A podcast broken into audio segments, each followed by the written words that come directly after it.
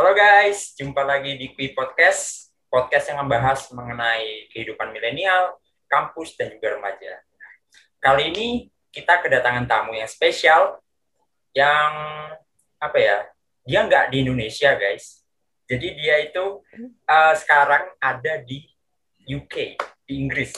Bagi teman-teman yang suka bola gitu kan, Liga Primer, Manchester United, Manchester City, atau um, apa klub-klub uh, bola dari Inggris, nah mungkin bisa sharing-sharing dengan kakak kita ini. Nah, beliau uh, merupakan uh, mahasiswa dari University of Reading. Okay. Jadi beliau lagi menempuh pendidikan S2 di UK. So langsung saja uh, kita uh, kita langsung ngobrol sama Kak Citra. Halo Kak. Halo. Halo. Halo. Oke. Okay. Yeah. Jadi Kak Citra ini merupakan uh, salah satu mahasiswa master degree di University of Reading.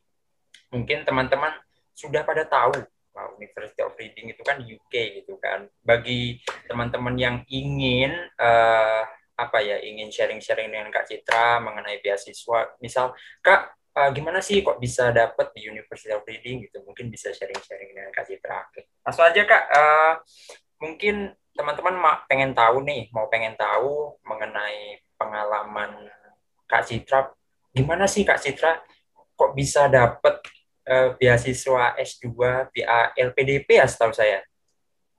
Hmm. Ya, gimana sih uh, kisah perjuangannya gitu kan, jatuh bangunnya gitu kan, biar teman-teman kita nih tahu hmm. gitu kan, biar termotivasi juga. Hmm. Oke, gimana kak hmm, kira-kira? Mudahan bisa. Oke, uh, oke. Supaya Hmm, salam kenal semuanya. Uh, perkenalin kakak Citra Pratiwi, alumni Teknologi Hasil Pertanian Universitas Sriwijaya. Dulu angkatan 2015. Hmm. Ya, jadi kakak lulus tahun 2019 sebenarnya. 2019, jadi pas 4 tahun. Uh, untuk kalau mudahan bisa motivasi ya, cuma di sini ini sih perjuangan LPDP itu kayak kakak ini sih kakak sebenarnya awalnya sebenarnya nggak mau ikut LPDP Duh, karena setelah lulus itu iya makanya kayak uh, kakak bilang itu kayak keberuntungan sih lebih keberuntungan sebenarnya. Soalnya kakak awalnya tuh setelah lulus maunya istirahat dulu mau liburan dulu lah rencana mau ke Australia sebenarnya malahan. Australia Award. Iya tapi karena dorongan orang tua orang tua nyuruh banget itu. Jadi kakak ya udah deh kakak ikutin kemauan mereka. Tapi itu benar-benar mepet. Jadi kayak uh, kakak cuma ada waktu dua minggu untuk ngurusin IELTS untuk tes IELTS. Terus cuma kurang lebih sebulan untuk buat esai DLL jadi kayak persiapannya mepet. Tapi ya udah kakak jalanin tapi lolos agak loh, beruntung kan? sih. Ya, tapi lolos loh. Iya. Luar biasa. Iya, alhamdulillah, alhamdulillah. jadi jadi awalnya tuh kakak pengen uh, mau yang ke Australia itu kak ya? Mm -mm. Mau yang deket-deket aja di Indo, nggak mau yang jauh-jauh banget gitu. Uh, tapi sekarang dapetnya jauh. iya, dapat rezekinya di sini. Uh, jadi uh, belum belum bisa pulang kok kak? Ya, iya kan kak, belum bisa pulang. Jadi pulangnya pas wisuda atau gimana kak? Nah, kayaknya sebelum wisuda sih, soalnya kakak selesai studi bakal bulan September. Wisudanya bulan Desember. Hmm. itu bakal tiga bulan. Kalau kakak tinggal sini sih kakak nggak ada nggak ada pemasukan lagi nanti kan. Nggak tahu. Kayaknya oh, iya, bakal betul, pulang. Betul, Iya, betul, betul. iya kan? Makanya. Nah kak uh, kan bagi beasiswa hunters nih kan uh, kan ada uh, teman-teman juga kan banyak nih yang mau pengen dapat beasiswa S2 ke luar negeri kan tapi yang masih ditakuti adalah bahasa Inggris. Nah, itu.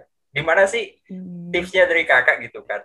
Biar kita nih berani memulai untuk mau belajar bahasa Inggris. Memang banyak keinginan orang itu kan, aku mau pengen ke Turki, biasa S2, eh tapi bahasa Inggris aku gimana sih? IELTS, IELTS kan susah benar gitu kan. Itu gimana kak?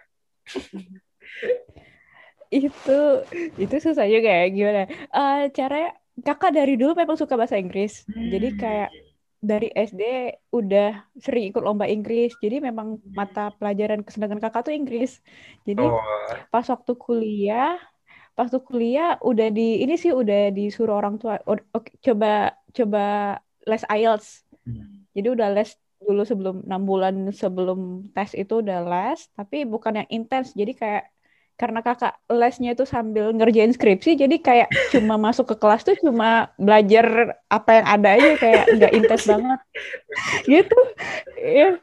Terus karena karena ngejar untuk tes LPDP baru dua minggu persiapan kakak tuh benar-benar intens, yang tiap hari datang ke tempat les. Hmm, gitu. Jadi kakak kelas sih, cuma cuma ini bisa juga kalau kalian mau mandiri, belajar mandiri. Karena itu lebih masuk sih seharusnya ya.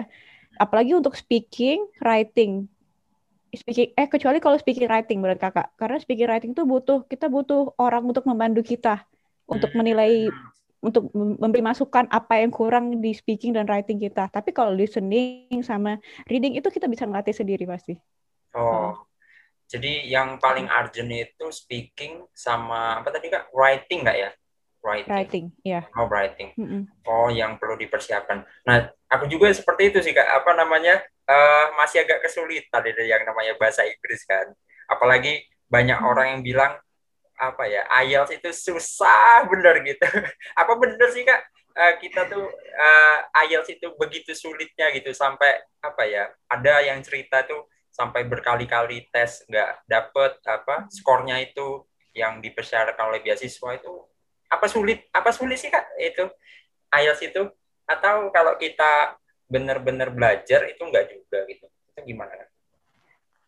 Ya apa ya? Kuncinya harus sering latihan sih. Hmm. sering latihan.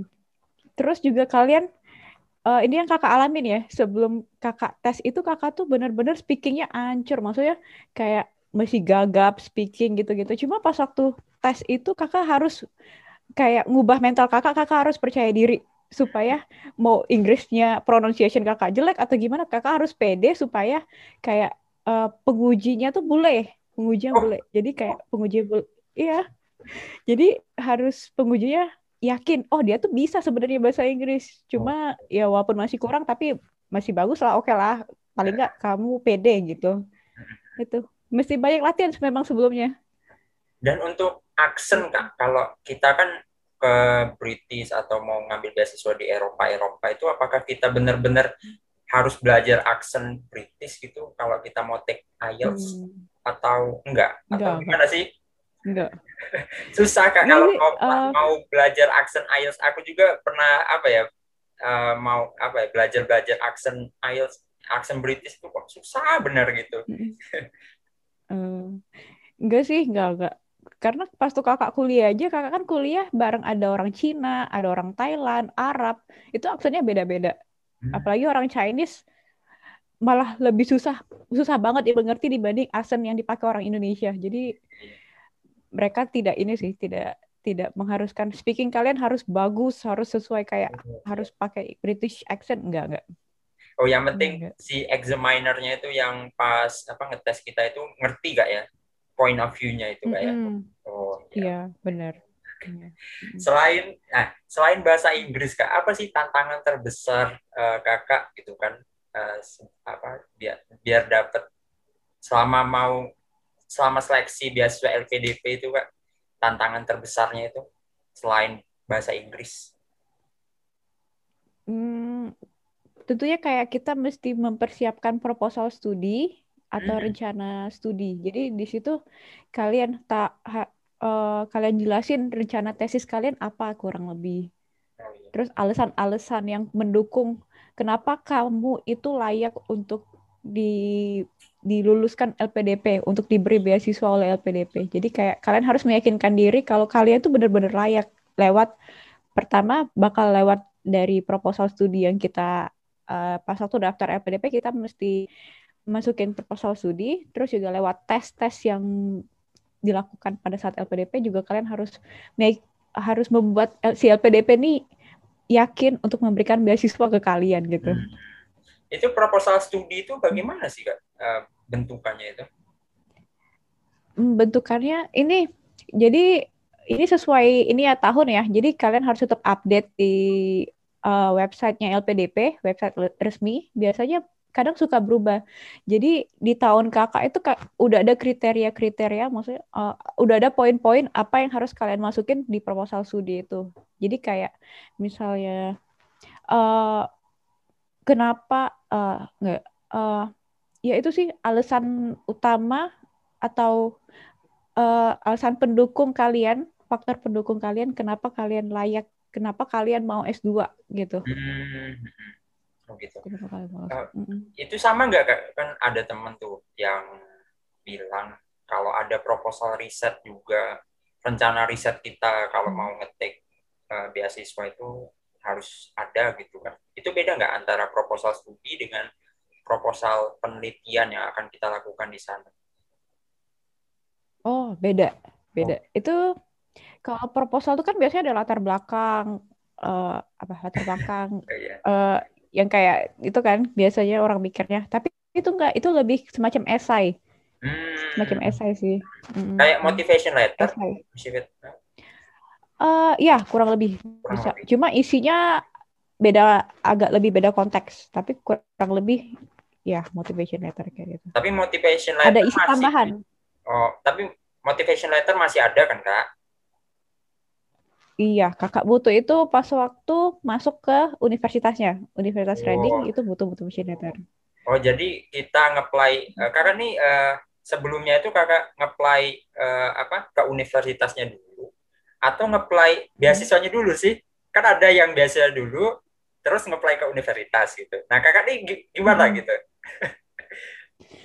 Eh, kakak kemarin ini ini ya ada yang ngomong bagusnya ngeplay ngeplay universitas dulu. Tapi kemarin kakak milih untuk kakak nahan untuk uh, nanti dulu untuk ngeplay universitasnya. Kakak mau fokus ke LPDP dulu karena kemarin persiapan kakak mepet banget kan. Jadi kayak gitu. Jadi kakak memutuskan untuk uh, universitas, nyiapin universitasnya tapi jadi ini deh, uh, eh, LPDP kan ada tiga tahap. Pertama tahap uh, seleksi berkas. Kedua, tahap seleksi berbasis komputer kayak tes CPNS gitu. Ketiga, tahap wawancara. Nah, tapi uh, kakak apply universitasnya itu sebelum tes wawancara, tapi setelah lulus dari tes seleksi berbasis komputer. Jadi pertengahan antara tahap ini, kakak coba coba daftar universitas. Uh -huh dan alhamdulillah lulus. Jadi uh, itu untuk semacam pendukung kalian itu sih kayak katanya bisa jadi nilai tambah pada saat tes wawancara ketika kalian udah mendapatkan LOA unconditional. Jadi semacam kartu lulus kalian gitu loh udah masuk ke universitas. Oh jadi jadi kakak sudah ada uh, sebelum wawancara tuh kak udah dapat LOA gitu. Oh jadi hmm. Oh, jadi iya. pas pas wawancara terus kak, uh, kak bilang, oh saya sudah dapat LOE dari UK gitu. Mm-mm. Oh, yeah. jadi kayak gitu guys. Mm. Jadi bagi teman-teman yang ingin ngeplay beasiswa, kalau bisa dapat LOE dulu kan, biar bisa meyakinkan si examiner dari LPDP gitu kan, bagi teman-teman yang ingin masuk beasiswa LPDP, biar mereka percaya, oh ternyata uh, kita ini udah diterima loh di universitas yang bersangkutan. Itu salah satu tripsnya guys. Uh, ya tipsnya guys. Oke. Okay. Oke, okay. kan tadi kan uh, kita udah ngebak udah sharing-sharing kan Kak mengenai LPDP gitu kan. Uh, dan juga tantangan tantangan yang udah kakak alami gitu kan selama kakak uh, seleksi beasiswa walaupun itu singkat gitu kan kak dan singkat tapi langsung lulus itu luar biasa loh singkat langsung lulus kan ada uh, alhamdulillah kan ada yang yang kalau kalau Revan baca di blog-blog itu kan blog-blog para beasiswa hunters mereka udah nyoba apa empat kali lima kali masih nggak lulus gitu kan. Eh tapi kakak sangat sangat luar biasa.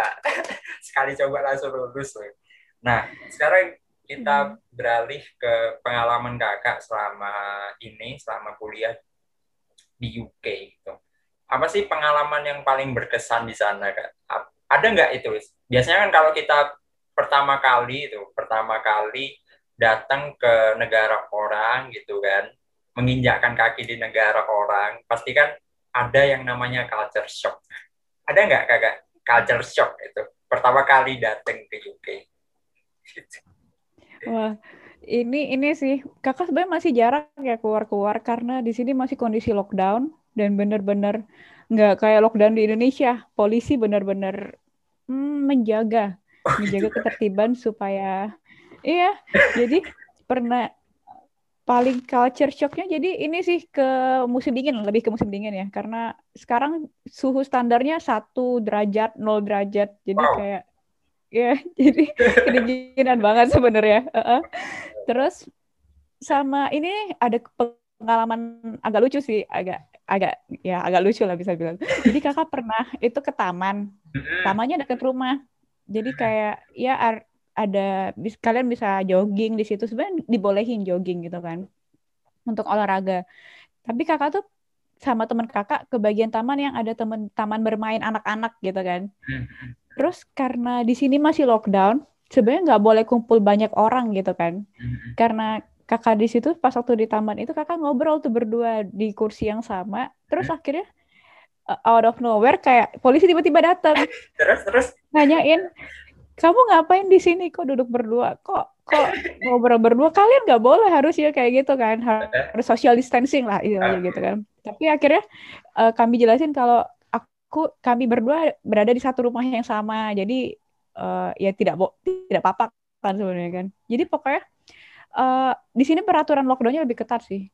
Malah ada juga orang yang ada um, orang Indonesia uh, punya anak punya anak. Terus dia ngadain ulang pesta ulang tahun kecil-kecilan lah ya. Terus tiba-tiba aja rumahnya didatengin polisi. Padahal nggak tahu siapa yang ngasih ngasih kabar ngasih ngasih laporan gitu-gitu. Ya ditanya-tanya gitu. Hmm, terus kalau ketahuan untungnya kayak si orang Indonesia ini bisa ini ya bisa kayak memberi alasan supaya polisi nggak masuk. Kalau di kalau polisi sampai tahu itu di rumahnya ada kayak 10 orang itu bakal didenda 100 juta sebenarnya. 100 juta. Mm -mm. Waduh. Kalau di Indonesia mah denda ini sih apa ya laporan Gak ada denda. Iya benar. Dan ini mudah banget tetangga tuh untuk melapor polisi. Ya, tetangga. Jadi harus benar-benar ini sih aware, aware harus ya. mentaati peraturan selama lockdown oh, ini. Gitu. Nggak bisa ya, misal kalau apa ada kerjasama kan saling antar tetangga, eh ada polisi tuh mungkin nggak bisa ya di UK. Iya. kan kalau di iya. Indonesia kan uh, saling kerjasama kan, iya ada polisi tuh awas itu kan. Solidaritasnya bener, mungkin oh, yeah. karena uh, mungkin di UK itu lebih individualis kayak, ya kan nggak beda kan sama di Indonesia. Hmm, mungkin ya Mm-mm. Kalau di Indonesia kan solidaritas antar mm. orang kan luar biasa. Iya benar. Iya. Culture shock tadi kan. Oh tadi apa kan uh, satu derajat Celcius tuh wah kalau pasti kalau keluarnya pakai jaket yang tebal ya. ya. Iya pasti. satu derajat Celcius itu guys. Bagaimana kalau nah itu uh, mungkin sangat apalagi bagi teman-teman yang nggak kebiasa dingin kan? Nah itu. Tapi uh, kalau mau kuliah di Eropa ngambil S2 di UK terutama ya harus biasakan gitu kan. Harus terbiasa dengan suasana yang dingin. Mungkin bisa uh, mencoba muncak gitu kan bagi teman-teman. Biar bisa, bisa. latihan dulu latihan dulu sebelum apa sebelum pergi studi ke Eropa gitu. Karena di Eropa kan ada yang minus 47 derajat Celcius, terutama di Rusia kan, gitu kan. Ada hmm. yang hampir minus eh, uh, 10 gitu. Nanti teman-teman mudah sakit di sana ya, merepoti aja gitu kan. Hmm. nah, uh, di sana kak, kakak kan uh, ngambil master degree di University of Reading, Reading University. Ya. Reading sih bacanya sebenarnya. Gimana kak? Reading pakai Reading Reading. oh. Uh -uh. karena karena aku tahunya universitas membaca apa dia universitas itu kan? Tahunya gitu yeah. kan? Iya. reading reading.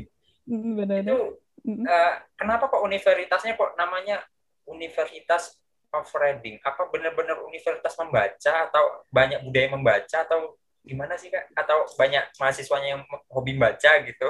Kok namanya Universitas of Reading? Aku juga nggak tahu ya Wah.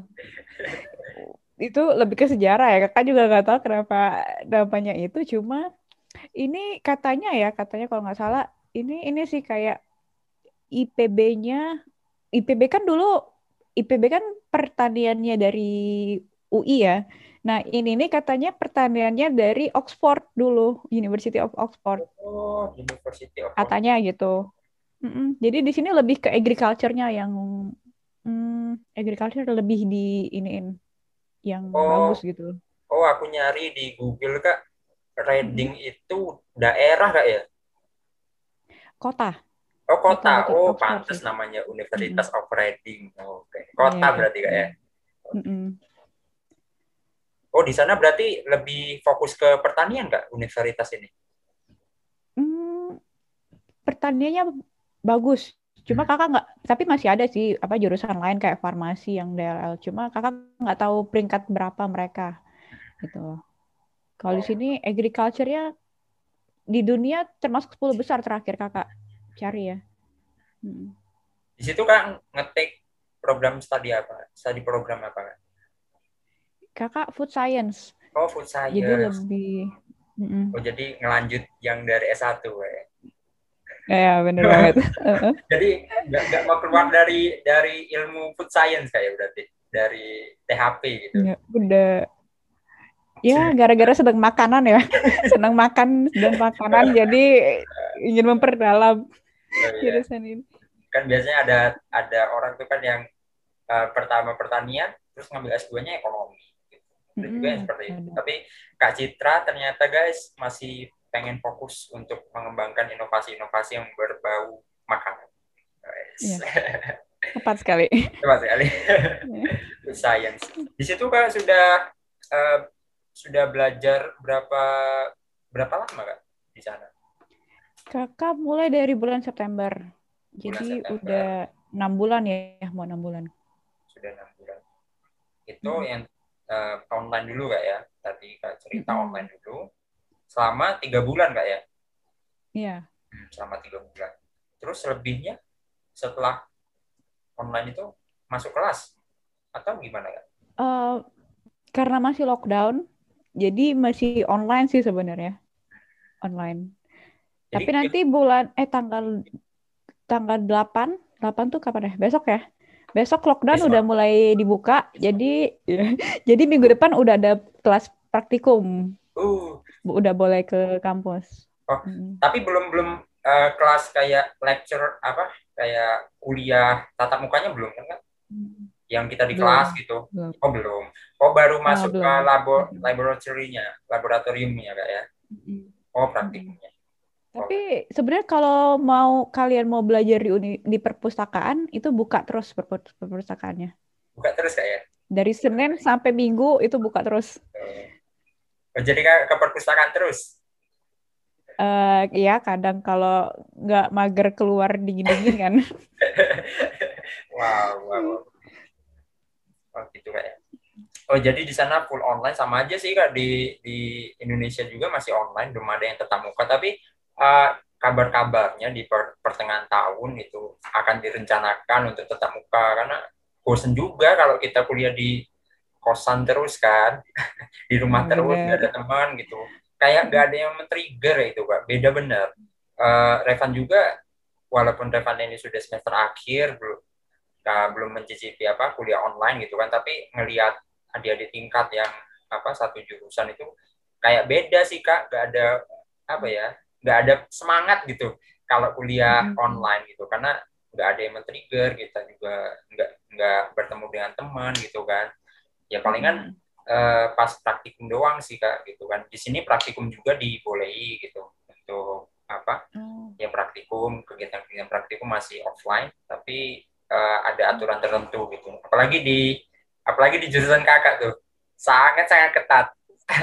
Aku dengar dengar apa dengar cerita-cerita dari teman-teman dari THP dari teknologi hasil pertanian. Sangat sangat ketat ya. Iya. di sana juga gimana kak untuk aturan laboratoriumnya apakah ketat atau gimana Iya sih ketat karena kami mesti kayak ngisi formulir dulu eh, kalian bakal datang apa enggak. Kalau kamu kal- Kalau kakak nggak ngisi formulir itu, kakak nggak bakal diundang untuk masuk, nggak dibolehin untuk masuk gitu loh. Oh, aturannya Iya. pasti pakai masker, jaga jarak nggak enggak? Mm-mm. Iya, jaga jarak ya, terus. Oh, jadi walaupun kita oh praktikum berarti masih jaga jarak ya. Mm-mm. Oh, Iya. gimana gimana kebayangin ya praktikum jaga jarak? Ber- ber- butuh prak- tempat praktikum yang luas tuh berarti. Oke, jadi praktikum. Kalau misalnya ketahuan nggak pakai masker keluar gitu kan, keluar dari laboratorium. Iya, iya. Udah disuruh keluar pasti. Heeh. Ada denda 100 Dia juta nggak, Kak? kayak kakak ke perpus. Wah, itu enggak sih. Keluar. Waduh, itu gara-gara masker kalau kita kedapetan, aduh berkurang beasiswa kita. Iya banget. Iya, Malah nombok. iya, betul. Hmm. Terus eh itu selama kuliah online itu gimana sih kak sistemnya eh, di UK? Apakah sama sama lewat Zoom atau gimana kak? Hmm, ini agak beda sih sebenarnya. Jadi kalau di sini mereka nggak pakai Zoom tapi pakai Microsoft Teams, lebih ke Teams atau lewat Blackboard. Blackboard tuh kayak apa ya website website siswa di sinilah gitu. Jadi di Blackboard itu kalian bisa dapetin video-video dari dosennya atau video praktikum. Di situ pokoknya laman kalian untuk eh, dalam perkuliahan untuk studi-studi gitu. Itu eh, individual gitu, individu. Kayak akun siswa lah, akun akun mahasiswa.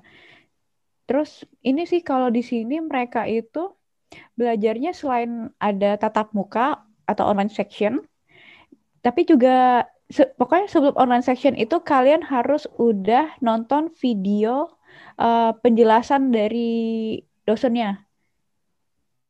Jadi dosennya udah ngasih duluan materi dan penjelasan dari PowerPoint mereka itu. Nah, Hmm. di online sessionnya si dosennya bakal eh, bakal nanyain ada nggak pertanyaan kalian dari video itu atau si dosennya bakal ngajak kita diskusi. Menurut kalian ini gimana? Ini apa caranya gitu-gitu? Atau si dosennya bakal eh, ngasih pertanyaan, ngasih kuis semacam kuis gitu. Jadi itu sih bedanya. Oh jadi jadi nggak kayak di Indonesia yang misal dosen ngejelasin materi PowerPoint, terus di sana tuh semacam langsung di, eh, dikasih study case kak ya, semacam langsung Hmm. diskusi. Pas Wow, waktu online session, iya. wow, wow, wow, Hmm. wow, wow. Tapi Gimana sebelumnya kan kita kebayang? udah nonton video ya. Nonton video yang udah ada teorinya gitu. Jadi Jadi pas, pas udah dikasih materi. itu langsung diskusi. Misal kalau Mm-mm. kita masih belum tahu, nanya ke dosen gitu kan kak. Mm-mm. Iya. Oh jadi Hmm. beda, jadi beda guys, Eh, agak beda, agak beda sih dengan eh, kuliah di Indonesia. Eh, kata temanku juga kalau di Indonesia yang S2 nih, terutama di Unsri, masih ada kuliah kak gitu, masih ada kuliah. Jadi eh, dosen ngejelasi, ngejelasi lewat PowerPoint gitu kan. Eh, baru Hmm. kalau ada yang bertanya dipersilakan gitu. Tapi kalau di UK ternyata beda sekali guys gitu langsung di, dikasih study case dan kita berdiskusi kalau masih ada yang belum tahu, belum paham, langsung ditanyakan ke dosen yang bersangkutan. Dan sebelumnya dikasih materi dulu. Jadi lebih penuh dengan tantangan kuliah di UK ini ternyata. Pernah nggak kak ngalami eh, culture shock selama belajar pertama kali belajar di sana? Mungkin dari sistemnya gitu kan, sistem pendidikan di sana sangat beda gitu kan. Eh, iya, banget sih. Soalnya pertama kakak dulu kan online di Indonesia, beda 7 jam. Jadi kadang misalnya ada kuliah sore di sini, kakak mesti di sana tuh kuliahnya tengah malam. Bener-bener jam 12 Serius? malam. Serius kak? Iya, iya. Wow, gitu wow, jadi wow. kayak ya kadang kakak juga ini sih jadi kadang suka pernah juga kelewat sampai nggak ikut kuliahnya gitu. Tapi untungnya karena universitasnya tahu ya apa mahasiswanya kan beragam. Ada yang dari Asia banyak Asia. Jadi eh, kalau kuliah sore itu bisa direkam ada rekamannya gitu. Jadi bisa belajar lagi gitu kan. Terus Oh. culture shock lainnya tuh lebih ke nilai ya. Kenapa nilai? nilai? apa tugasnya tuh. Eh. nilai tugasnya tuh kayak di saat kalau di Indonesia kan kita seneng banget kalau misalnya dapat nilai 80, 90. Yes. Tapi kalau di sini kakak pernah tuh dapat pertama kali tugas tuh dapat 60-an. Dan itu sempet shock banget kan. shock banget. Tapi ternyata pas waktu kakak cari tahu 60 itu udah termasuk B, 60-an itu udah termasuk B Oh. istilahnya. Jadi nilai lulusnya itu kayak standar KKM itu 50. Hmm. 50 sampai 59 itu pas. Jadi eh, rate-nya itu pas. 60 sampai 69 itu merit. Kalau 70 sampai 100 itu distinction. Oh. Dan kalau kita convert ke GPA, eh, ke IPK, eh, 60 sam- misalnya kamu rata-ratanya nilainya 60 sampai 69 itu sebenarnya IPK-nya udah 3,3 ke atas. Oh, gitu. Kalau kamu dapat nilai 70 ke atas, itu udah baru 4 IPK kamu. Jadi kayak ini sih. Jadi ya setelah tahu ternyata convert apa setelah diubah ke IPK-nya nilainya segitu, oh oke lah masih aman lah gitu. Walaupun nggak dapat 4 pas Sebelum- tapi masih tiga ke atas lah gitu. Sebelum tahu itu agak shock kak ya. Dapat 60 nih kan kalau di Iya. Indonesia tuh C kak. Iya. Iya. uh, Ternyata di sana B guys itu. Wow, Mm-mm. jadi sangat luar biasa itu. Jadi rentangnya dari 70 ke 100 itu A. Di Ah, atau kalau ke IPK itu 4, 4. 4 pas. Tapi di sana lebih Hmm. lebih lebih sulit nggak kak Eh, dari materinya gitu kak dibandingkan dengan Indonesia gitu kan?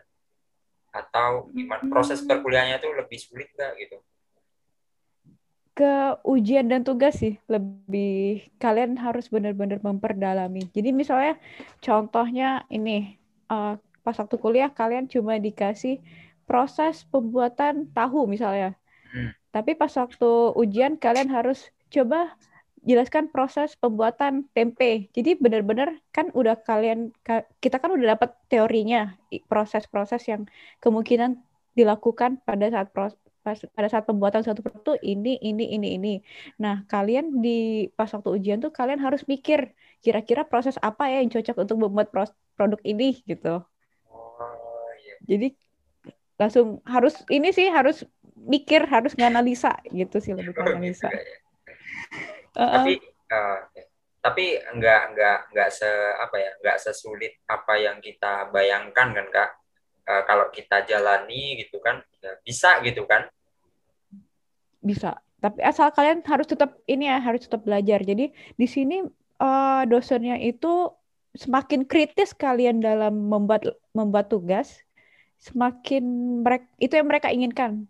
Jadi Oh. misalnya eh, misalnya proses ekstraksi da- pada pembuatan apa, kalian bak- harus jelasin kayak eh, kenapa dilakukan ekstraksi, pakai alat apa, eh, mekanisme pada saat proses ekstraksi di bahan itu misalnya ada kan- bahan itu ada kandungan strukturnya apa?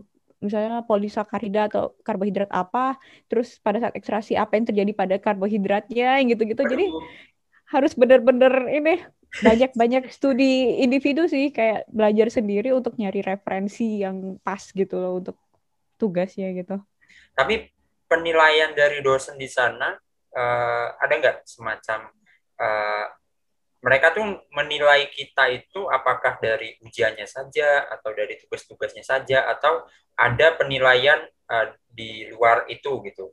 Kalau di Indonesia kan ada tuh penilaian di luar dari UAS gitu, UTS gitu kan.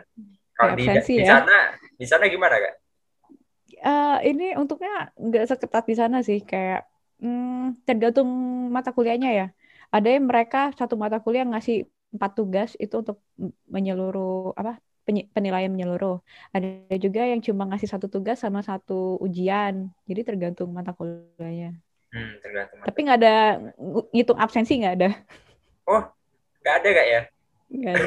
Iya nggak ada. Oh, jadi jadi gimana kak misal kalau kita tapi nggak mungkin kak ya kalau misal kita sudah dapat beasiswa diberi kesempatan ke sana kuliah gitu kan bolos absen gitu. Jadi eh, mungkin nggak mungkin lah gitu kan. Tapi kalau misal Sayang. untuk iya sayang gitu kan. Tapi misal kalau bolos absen itu dosen nggak nggak terlalu perhatian kak ya kalau di sana? Hmm, Enggak sih, kecuali kalau kemarin ada kasus teman kakak yang dia bukan full study ya, cuma part time. Jadi kakak kan kuliah cuma setahun. Tapi kalau dia part time itu sampai dua tahun, dua tahun kuliah. Jadi ada pernah satu kayak istilahnya satu semester ketika dia tuh uh, mata kuliah tidak sebanyak kakak. Jadi yang membuat akses dia ke Blackboard atau yang tadi kakak bilang akun mahasiswa itu performanya nurun, performanya tidak sebag tidak sebanyak mahasiswa lain kan, dan itu dan itu ketahuan ternyata oleh si dosen si supervisor dia. Jadi dia ditanyain kenapa kamu jarang membuka blackboard gitu-gitu. Oh jadi masih dipantau hmm. apa absen apa daftar dipantau. hadir juga ya gitu. Walaupun di sana hmm. apa ya nggak ada penilaian mengenai daftar hadir berbeda hmm. dengan di Indonesia kalau kita ada, ada tuh dosen yang misal kita hadir terus kan walaupun nilai UTS kita atau UAS kita pas-pasan eh tahu-tahu dapat A gitu kan. Tapi di sana enggak hmm. guys gitu. Mereka di sana uh, fokus dengan apa ya uh, dengan nilai kalian pas tugas gitu kan. Pas UTS atau pas UAS gitu kan. Hmm. sesuai dengan apa apa yang kalian kerjakan di sana. Kalau absensi mungkin agak kurang diperhatikan. Tapi jangan sampai walaupun kalian sudah dapat apa dapat kesempatan kuliah di sana tapi eh disia-siai gitu kan. Dengan jalan-jalan itu hmm. atau apa-apa gitu kan. Dengan kalian nggak hadir kuliah itu sayang sayang sekali guys. Karena banyak sekali calon apa ya banyak sekali mahasiswa yang berkeinginan gitu kan untuk ikut uh, program beasiswa LPDP tapi kalau kalian uh, kalian menyia-nyiakan kesempatan itu dengan bolos kuliah di sana nah itu sayang sekali guys gitu mungkin uh, bisa diganti dengan kandidat lain yang punya semangat itu kan. Jangan sampai seperti itu guys itu. Harus rajin-rajin kuliah. yeah. Nah, uh, terus Kak, uh, kalau di kalau di bidang Kakak di food science uh, itu belajar mengenai kira-kira food science-nya sama persis nggak kak sama yang di THP di Indonesia yang selama kakak S1 itu? Atau lebih mengarah ke mana sih food science-nya itu? Lebih Hmm, kurang lebih, ya, ya, kurang lebih sama sih dengan di Indonesia. Cuma cara pembelajarannya aja ya, kayaknya kita lebih cocok di sini nih lebih mirip dengan di IPB, yang di UI ya gitu-gitu. Karena kakak punya kenalan kan di sana kan. Jadi kayak kayak USRI itu masih ketinggalan jauh sebenarnya gitu. Sayangnya. Sayang. Yeah. Ya. Di sana uh, fakultasnya ada berapa kak di University of Reading? Wah itu kakak kurang tahu sih. uh, ya kurang tahu. Yang pasti lebih banyak di uh, pertanian nggak ya? Hmm, kakak malah sebenarnya ini sih kakak bukan masuk ke pertanian sebenarnya ke ke farmasi.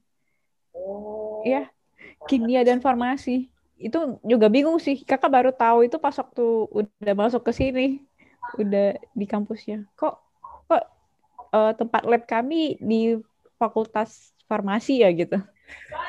Ternyata oh, bukan di gitu. pertanian. Oh, gitu. nah kak uh, ini apa namanya kan di setahu saya uh, Revan kan sudah searching searching gitu kalau di UK itu katanya harus pilih salah satu antara by research sama by course. Nah, kakak hmm. kira-kira ikut program yang mana nih? By course apa by research? Nah, kalau di, beasiswa di UK, Kak. khususnya di UK kan?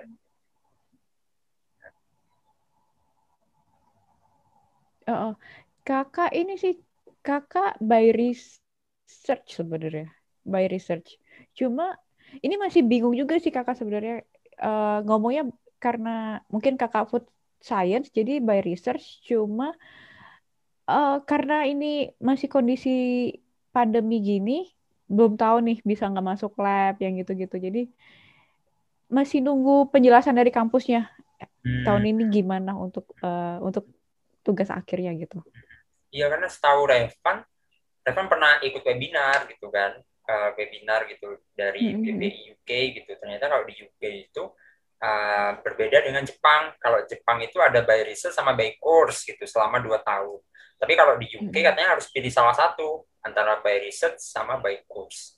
Tapi kalau by research kita masih ada kuliahnya. Tadi kakak ada kuliahnya soalnya kalau kakak ngambil by iya. research. Tapi sebentar kan kak, uh, kuliahnya itu? Uh, iya, dua di sini harusnya udah sampai bulan April ini aja sih. Hmm, ya. Kuliahnya setelah itu langsung di setelah, setelah, setelah itu langsung riset, fokus ke riset kak ya? Hmm, riset iya kayak penelitian atau ya pokoknya tugas akhir tesis lah gitu. Hmm. Kalau by course, hmm. jadi dia selama satu tahun itu kuliah terus kan? kalau by course? Iya deh. Uh -uh. Cuma kakak belum eh, nggak uh, ngerti tugas akhirnya apa gitu. Iya. Entah.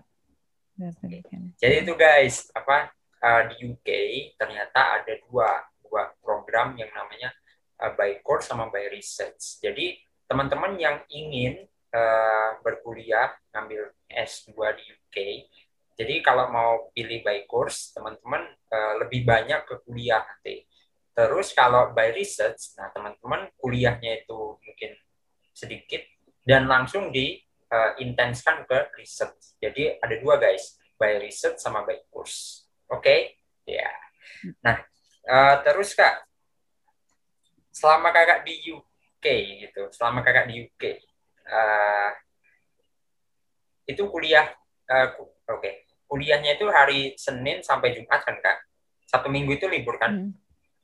nah hmm. selama satu minggu ini kak ngapain sih apakah jalan-jalan gitu atau gimana gitu. Atau di di, hmm, di belakangan. di, di rumah aja kak. Kebanyakan di rumah sih sebenarnya. Atau ini sih karena banyak masih tugas ya. Tugas numpuk jadi seringnya di rumah atau ke perpustakaan sebenarnya. Oh, perpustakaan Sabtu Minggu buka kak ya, walaupun lockdown kondisinya di UK. Iya. Uh, dia mendukung banget lah kalau mau. Wow. Jadi produktif sekali guys ya. Beda sama saya. Sabtu Minggu tidur. Tapi kadang tetap lah nonton Netflix gitu-gitu. Oh, nonton Netflix. Tapi masih produktif loh. Itu kan hari liburnya gitu kan. Tapi di sana kan udah jalan-jalan ke beberapa spot uh, wisata di UK kan? Beberapa. Hmm, belum banyak. Baru ini aja muterin kota Reading aja pakai bis. Karena selama lockdown ini dulu ya sebelum lockdown nasional, jadi ada kayak tingkatan-tingkatan itu kayak uh, apa ya? Jemputnya kayak tier tier tiga itu di di mana uh, jadi ada tier 1, tier 2, tier 3, tier 4. Semakin tinggi tier itu berarti udah uh, kondisi COVID-nya meningkat kan, makin meningkat itu berarti tier ke tier 4 gitu loh. Jadi kadang ada kondisi di mana kalau kita udah di tier 4, kita cuma boleh ngunjungin kota yang sesama tier 4 jadi nggak boleh ngunjungin ke tier apa kota yang tier 3. Nah, kalau Manchester DLL itu biasanya lebih rendah itunya tiernya dibanding tier di kota kakak. Jadi kakak belum bisa ke mana-mana kemarin tuh sempat. Oh, jadi ke Manchester belum nggak? Ke Manchester? Ke Bang, belum. Ke mana? Tapi rencana. Oh, rencana. Oh, kak. Waduh, impian itu bisa nonton Manchester United ke sana. Aduh. ya. Amin bisa amin, nanti amin, bisa. Amin amin amin bisa hmm. bisa. Nah terus kak uh, ke ke mana tuh ke apa yang jembatan itu kak jembatan apa tuh? Ada kan hmm, jembatan hmm, yang, yang di London itu? Iya. Iya ya di London belum juga soalnya karena lockdown nasional ini kan eh, nggak uh, boleh ini ya nggak boleh masih mengurangi lah aktivitas di luar ntar tapi pastinya bakal ke London lah. Iya. Karena deket deket. Oh, deket kayak Reading ke London uh, tiga puluh menit. Tiga puluh menit. Ya, coba. Di sana kurang lebih sejam. Oh, di sana transportasinya lebih pakai apa? Lebih pakai bus, kereta atau gimana? Hmm, kalau antar kota tetap biasanya ini sih kereta. Oh kereta. Cuma kalau antar dalam kota naik bis bis bertingkat itu loh kayak yang oh, ada yeah. ikonnya London gitu. Okay, okay. pernah sih lihat di film apa ya film apa ya lupa ternyata Iya. pakai bis yang merah itu kak ya bis yang merah itu yang dua tingkat itu Mm-mm.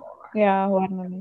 Mm-mm. keretanya itu kereta bawah tanah atau kereta gimana kak kalau di Jepang Jepang bawah tanah kak ya Jepang gitu Ya, di sana bawah ada, tanah juga bawah tanah. keretanya Kalau di sini kakak belum pernah naik kereta sih, jadi mungkin kayaknya biasa deh kereta biasa deh. Biasa. Soalnya belakang belakang kakak ini apa pemandangan jendela kakak ini sebenarnya kereta suka lewat tempat rel kereta Uh. gitu. uh, uh mantep Iya, kereta biasa. ada Heeh. nggak ada nggak ada apa eh, taksi online gitu Ada, ada, oh ada ada. Kayak GoFood juga ada. oh serius kak GoFood. Ah, ah, namanya Deliveroo tapi. Iya, ada. Oh. Mm. jadi ada jadi ada guys gitu bagi teman-teman yang hobi GoFood gitu kan di sana ada tapi namanya bukan GoFood gitu ada yang lain gitu Iya. iya Iya.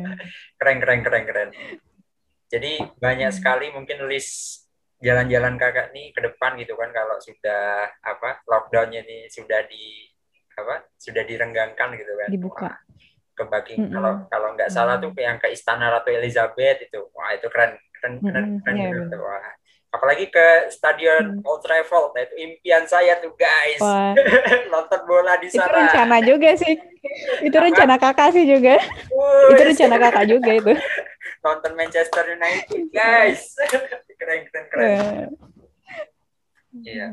Jadi uh, beasis uh, studi kakak nih berakhir di tahun ini kan kak? Itu tepatnya di bulan berapa? Mm-mm. Bulan September. Oh September. Jadi Jadi cuma setahun studinya. Mm-mm. sama oh, jadi cuma dari September sampai ke September lagi satu tahun berarti kak ya? Iya, Oh, kalau. UK. Beda sama negara lain kak ya? Kalau setahu Revan kayak di Belanda gitu, Jerman itu lebih ke setahun setengah atau dua tahun gitu kan? Tapi cuma di UK aja kan kak yang satu tahun ini kak ya? Oh, Iya. Jadi harus benar-benar apa kak ya? Menikmati suasana UK sebelum balik ke Indonesia. Tapi rencana kakak setelah lulus, misal setelah lulus, kakak eh, pengen apa bekerja di NGO internasional atau mau balik ke Indonesia gitu? Karena kalau LPDP kan kita harus wajib pulang kan Kak? Atau gimana kak Mm-mm. rencana kakak ke depan? Iya pastinya. Iya rencana kakak pastinya pulang nyari kerja. Eh entah ya kakak bingung juga mau jadi dosen atau mau jadi kantoran. Tapi ya mana yang nerima kakak lah. Mau internasional mau enggak ya ya kak kakak Tapi- open semua. Tapi diwajibkan pulang kan kak kalau LPDP? Iya. Kalau Hmm. misal kita nggak mau pulang Wajib kak pulang. gimana? Kena sanksi nggak? Iya, bakal kalian harus membayar kembali uang yang sudah kalian habiskan. Wow. Seriusan yang kak? dihabiskan. Iya. Uh. Mm-mm. Udah ada kok kejadian eh, pengalaman dari teman kakak Oh. yang dia kerja nggak pulang, kerja di Inggris selama dua tahun. Akhirnya LPDP manggil dia, calling dia untuk ngembaliin sejumlah uangnya tuh. Dan Jadi dia, kita ya pas dia apply- balikin. Apply LPDP itu kita sudah nanda tangan semacam MOU kan? Hmm, sebenarnya nggak ada di surat pernyataan itu. Hmm. Nggak ada, cuma apa ya, bingung juga kayak perjanjian tidak tertulis mungkin ya. Kayak harus pengabdian istilahnya, pengabdian tanda kutip. Mm-mm. Tapi harus balik ngabdi kan nggak ada MOU tapi kita disuruh diwajibkan pulang gitu kan mengabdi Mm-mm. sama Indonesia gitu kan. Oh jadi gitu guys. Jadi gitu Ya, guys. Kesadaran diri lah. Ya iya. kesadaran diri. jadi gitu guys. Bagi teman-teman yang ingin ikut BSU LPDP, walaupun kita sudah kuliah di luar negeri kan selama satu tahun, dua tahun, tiga tahun gitu kan, pulang ke tanah air, bangun Indonesia menjadi lebih baik. Jadi itu guys pesannya. Iya. Oke mungkin eh, sampai di penghujung acara kita sudah sekitar satu jam ngobrol dengan Kak Citra gitu kan. Eh, ada ya mungkin Kak Citra bisa menyampaikan kata-kata motivasi gitu kan. Bagi teman-teman kita beasiswa hunters atau yang punya cita-cita kuliah ke luar negeri gitu. Apalagi mungkin ada juga yang pengen ke UK gitu. Apa sih uh, kata-kata motivasi dari kakak. Closing statement lah dari kakak. Oke okay. closing statementnya hmm, pesan dari kakak ya. Pertama untuk kalian yang mau kuliah di luar negeri pertama kalian harus uh, berani mencoba. Paling enggak kalau misalnya kalian gagal di situ kalian bisa belajar. Jangan jangan sampai buat kalian karena kegagalan kalian kecewa gitu-gitu. Karena sebenarnya banyak banget kesempatan bukan cuma LPDP the only one choice untuk mendapatkan beasiswa. Karena ya tiap negara biasanya mereka menyediakan beasiswa-beasiswa. Jadi pertama jangan jangan jangan uh, jangan tidak mencoba harus berani mencoba. Terus dibarengi dengan usaha juga dan juga doa orang tua. Itu manjur banget karena mereka kan itu manjur banget. Jadi harus minta restu sama orang tua kalau mau studi juga gitu. Keren banget guys kata-kata. Hmm. closing statement dari Kak Citra. Yang terakhir sih restu dari orang tua. Itu sangat penting. Seberapapun usaha kita kalau kita tidak direstui orang tua kadang sulit sekali guys gitu kan nah jadi restu orang tua itu sangat-sangat penting. Mungkin tuh itu aja sih Kak Citra. Terima kasih sudah ngobrol bareng kita gitu kan. Bareng Kui Podcast gitu. Semoga pendengar-pendengar Kui Podcast ini dapat inspirasi dari Kak Citra gitu kan. Mungkin bagi uh, bagi teman-teman yang ingin bertanya secara langsung dengan Kak Citra itu nggak apa-apa Kak ya. Hmm, mungkin bisa hmm, direct hmm. message di kontak di bawah ini ya lewat. Ya. uh, Instagram Kak Citra gitu uh, mungkin nanti bisa sharing-sharing misal kak uh, aku mau apply beasiswa LPDP ini gimana kak? Gitu. Atau kak uh, uh, apa kalau kuliah di UK ini gimana kak? Gitu. Nah mungkin bisa sharing-sharing dengan kak Citra. Mungkin itu guys. Uh, terima kasih teman-teman sudah mendengarkan Kui Podcast. Dan sampai jumpa di episode Kui Podcast selanjutnya. Bye bye